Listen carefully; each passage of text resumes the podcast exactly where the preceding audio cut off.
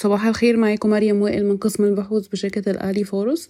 نبدأ بأخبار الاقتصاد الكلي. سجل التضخم في مصر 32.7% خلال مارس على أساس سنوي من 31.9% في فبراير وسجل التضخم الأساسي 39.5% في مارس على أساس سنوي مقارنة مع 40.3% في فبراير.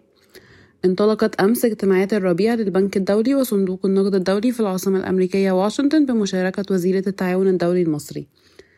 يسعى مطور الطاقة الكهرومائية الصيني CTG الاستثمار في الطاقة المتجددة المحلية وتحلية المياه وضخ المياه ومشاريع الهيدروجين الأخضر.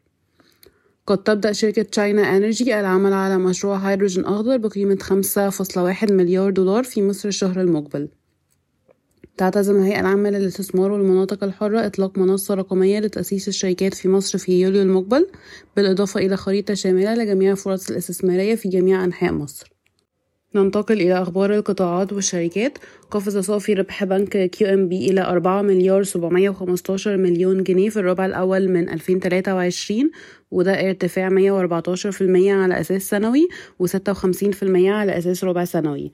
يتم تداول السهم حاليا عند مضاعف قيمة دفترية فاصلة ستة مرة ومضاعف ربحية تلاتة فاصلة تمانية مرة لعام ألفين تلاتة وعشرين.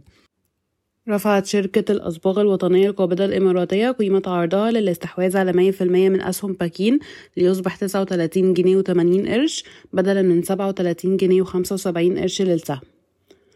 أصدرت شركة مصر للألومنيوم ميزانيتها المعدلة للسنة المالية 23-24 مستهدفة صافي ربح بعد الضرائب بقيمة 3.1 مليار جنيه مقارنة ب 3.5 مليار جنيه سابقا.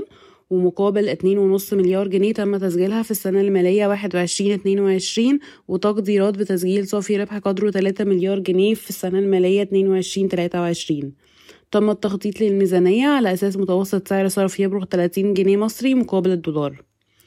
تستعد الهيئة القومية للأنفاق إسناد أعمال جديدة لعدد من شركات المقاولات بقيمة 17 مليار جنيه في مشروع القطار السريع العين السخنة مرسى مطروح من بينها تشييد 15 كوبري بأبعاد مختلفة. تمنح السفن السياحية الأجنبية تخفيضات بنحو 50% على رسوم الخدمة وإعفاء من رسوم هيئة المواني المحلية في المواني المصرية. ويجب على مشغلي الرحلات البحرية دفع رسومهم بالدولار. وافق مساهمو شركة رميدة على توزيع نص سهم مجاني تقريبا لكل سهم بذلك يصبح رأس المال الشركة بعد الزيادة 380 مليون جنيه موزع على مليار 520 مليون سهم بقيمة اسمية 25 قرش للسهم. وافق مساهمو شركة رايا لخدمات مراكز الاتصالات على عدم توزيع أرباح نقدية لعام 2022 شكرا ويوم سعيد.